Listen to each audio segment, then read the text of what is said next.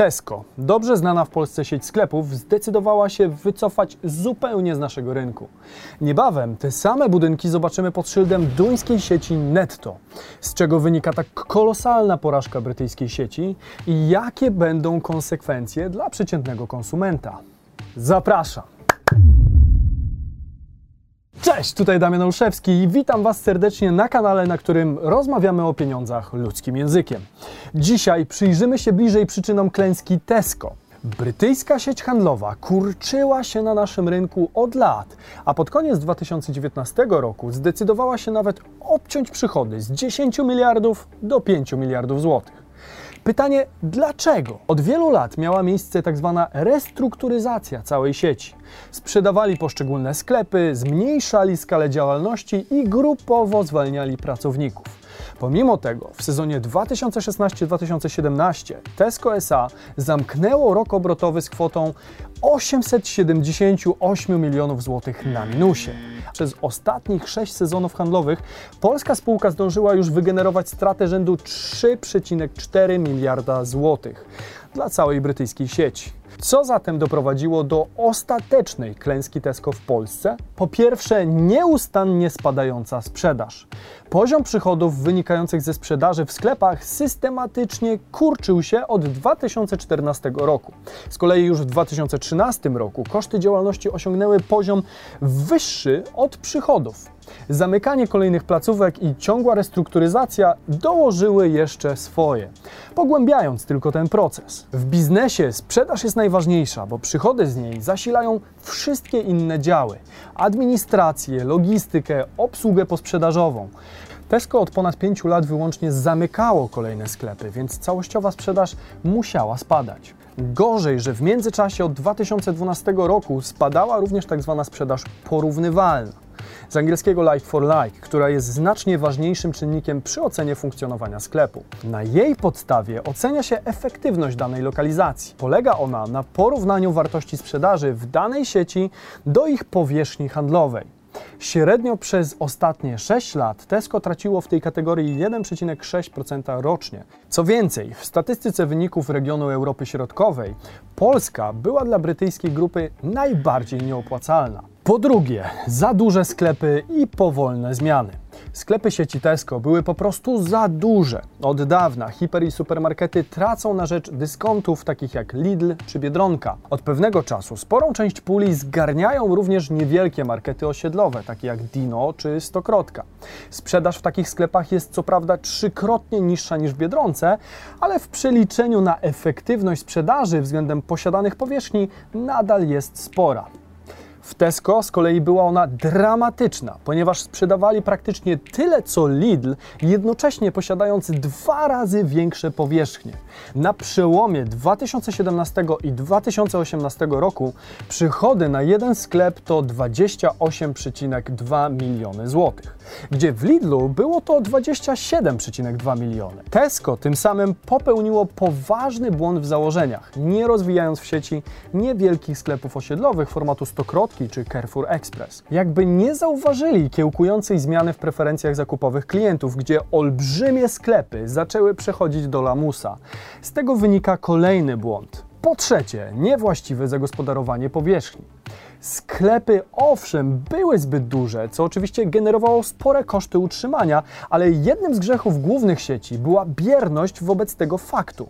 Mianowicie przestrzeń, pomimo wielkiego potencjału, od lat była w spółce niewykorzystywana. Tesco samo przyznało w jednym z raportów, że w Europie Środkowej ponad 12% wszystkich powierzchni była bezproduktywna to ponad 250 tysięcy metrów kwadratowych, które zupełnie nie pracowały i były czystym kosztem.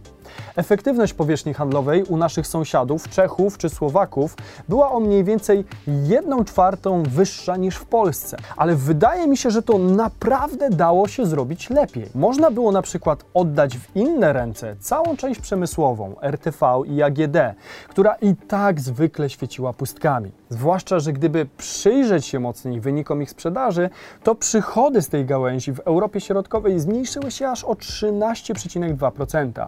Bliźniaczej sytuacji Carrefour wynajął niedostatecznie wykorzystywane powierzchnie sieci MediaMarkt. Zyskali przy tym silnego partnera biznesowego, który sam w sobie przyciągał klientów oraz ograniczyli tym samym koszty nierentownej części biznesu, odzyskując część pieniędzy z najmu. Kolejny powód brak inwestycji i dalszego rozwoju. Cała sieć skupiła się na zamykaniu nierentownych placówek i oszczędzaniu na czym tylko się dało. Między innymi oszczędzali w obszarze kluczowych, dalszych inwestycji, z których niemal całkowicie zrezygnowano. Świetnym przykładem tego, że można inaczej, jest bezpośrednia konkurencja brytyjskiego giganta, czyli Auchan i Carrefour. Obie sieci zdawały sobie sprawę z tego, że aby przetrwać, trzeba dalej się rozwijać, zamiast tylko zwijać to, co nierentowne. Trzeba było otwierać nowe sklepy, testować nowe formaty i doinwestować starzejące się już placówki. Głęboką pasywność w dalszym rozwoju biznesu możemy zaobserwować gołymi oczami, choćby po tym, że Tesco wygląda niezmiennie od dekady, jeśli nie więcej. Kolejna sprawa to samotność hipermarketów. Tesco przegapiło moment wielkich zmian, kiedy to inne sieci zrozumiały, że w pojedynkę nie są już szczególną atrakcją dla klientów. Kiedyś, aby przyciągnąć konsumenta, wielkopowierzchniowe sklepy budowały po prostu duży zewnętrzny parking. Przy nim czasami powstawała też niewielka galeria, czy też pasaż z jakąś apteką czy usługami typu serwis telefonów komórkowych.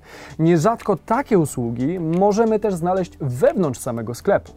Niestety czasy się już zmieniły, a wraz z nimi wzrosły nasze oczekiwania. Zwykle jadąc do sklepu wolimy przejść się pięknymi alejkami jak w Gdańskim Forum, gdzie pomimo betonowych konstrukcji możemy docenić zamysł architekta. Po kilku zakupowych godzinach możemy zjeść coś na piętrze restauracyjnym, potem jeśli mamy ochotę możemy też pójść do kina, które znajduje się praktycznie w tym samym budynku. Wszystko w jednym miejscu. Kiedy natomiast powyższe rzeczy mogliśmy wykonać w Tesco? No właśnie. Flagowe sklepy konkurencji, jak chociażby Carrefour, od dawna znajdują się w kluczowych punktach, np. w warszawskiej Arkadii i Złotych Tarasach, czy też w galerii Wrocławia, czy Poznania. Brytyjska grupa została w tej kategorii daleko w tyle. Pewnie między innymi dlatego, że Tesco od dłuższego czasu nie otwiera nowych sklepów, a ultra nowoczesne galerie powstawały na przełomie kilku ostatnich lat. Następnie ceny i ograniczony asortyment. Tesco musiało przejść do cięcia cen, próbując włączyć się do walki ze sklepami takimi jak Dino czy Biedronka. Pomimo tego, że różnice cenowe w tzw. Tak koszyku zakupowym powoli się zacierały, to mam wrażenie, że Tesco i tak wizerunkowo było odbierane jako to droższe. W rzeczywistości Biedronka potrafiła mieć według badań wyższą średnią cen tzw. Tak koszyka zakupowego niż samo Tesco czy Auchan. Myślę, że jednak ten wizerunek gorszego sklepu dopełniał również również coraz bardziej ograniczony asortyment. Cenowa walka o klienta sprawiła oczywiście, że marże na produktach nieustannie spadały, pogarszając i tak już ciężką sytuację. Natomiast ostatecznym ciosem rynku były oczywiście wynagrodzenia, które w branży spożywczej są jednym z kluczowych elementów kosztowych. Na koniec września 2014 roku Tesco zatrudniało niemal 30 tysięcy osób, będąc jednym z największych pracodawców w Polsce. Czy aby na pewno był to powód do dumy? No niekoniecznie, zwłaszcza biorąc pod uwagę fakt, że pod koniec lutego 2019 roku liczba etatów wyniosła już niespełna 20 tysięcy. Przez tych 5 lat wiele osób straciło pracę. Pomimo tego koszty zatrudnienia w stosunku do skali biznesu nadal rosły. W ciągu 6 lat wskaźnik wzrósł z 5,9% do 7,41%, czyli około 150 milionów dodatkowych kosztów. Wyobraźcie sobie, że roczne wynagrodzenie w 2014 roku wynosiło netto 25,8 tysiąca złotych, a pod koniec lutego 2019 roku wynosiło ono już 40,7 tysiąca złotych. Świetna wiadomość dla pracowników, natomiast dramatyczna dla biznesu przechodzącego problemy. Wzrost kosztów zatrudnienia jest normalną sprawą, ale narastające koszty wynikające z grupowych zwolnień stanowiły dodatkowy koszt. To wszystko sprawiło, że czasy świetności Tesco przeminęły bezpowrotnie, a skandynawska sieć Netto przejęła wszelkie ich zasoby, jednocześnie wielkością zrównując się z Lidlem. Na podium polskiej spożywki nagle zrobiło się dość tłoczno. Trochę na własne życzenie brytyjski gigant wypadł bezpowrotnie z rynku.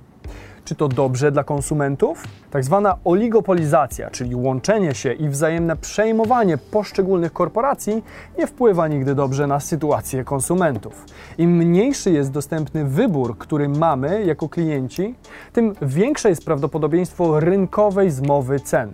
Firmy, kiedy jest ich niewiele, potrafią dogadywać się między sobą i wykorzystują wtedy monopolizację rynku, pozostawiając ceny produktów na ustalonym przez siebie poziomie. Oby to nie miało miejsca w przypadku polskiej spożywki, bo prawdziwą wolność daje konsumentom możliwość wyboru. Tym miłym akcentem chciałbym zachęcić Was do subskrybowania mojego kanału, jeżeli podobał Wam się ten odcinek. Dajcie też znać, co Waszym zdaniem było przyczyną klęski brytyjskiego kolosa w komentarzach. Do zobaczenia w kolejnym odcinku. Cześć!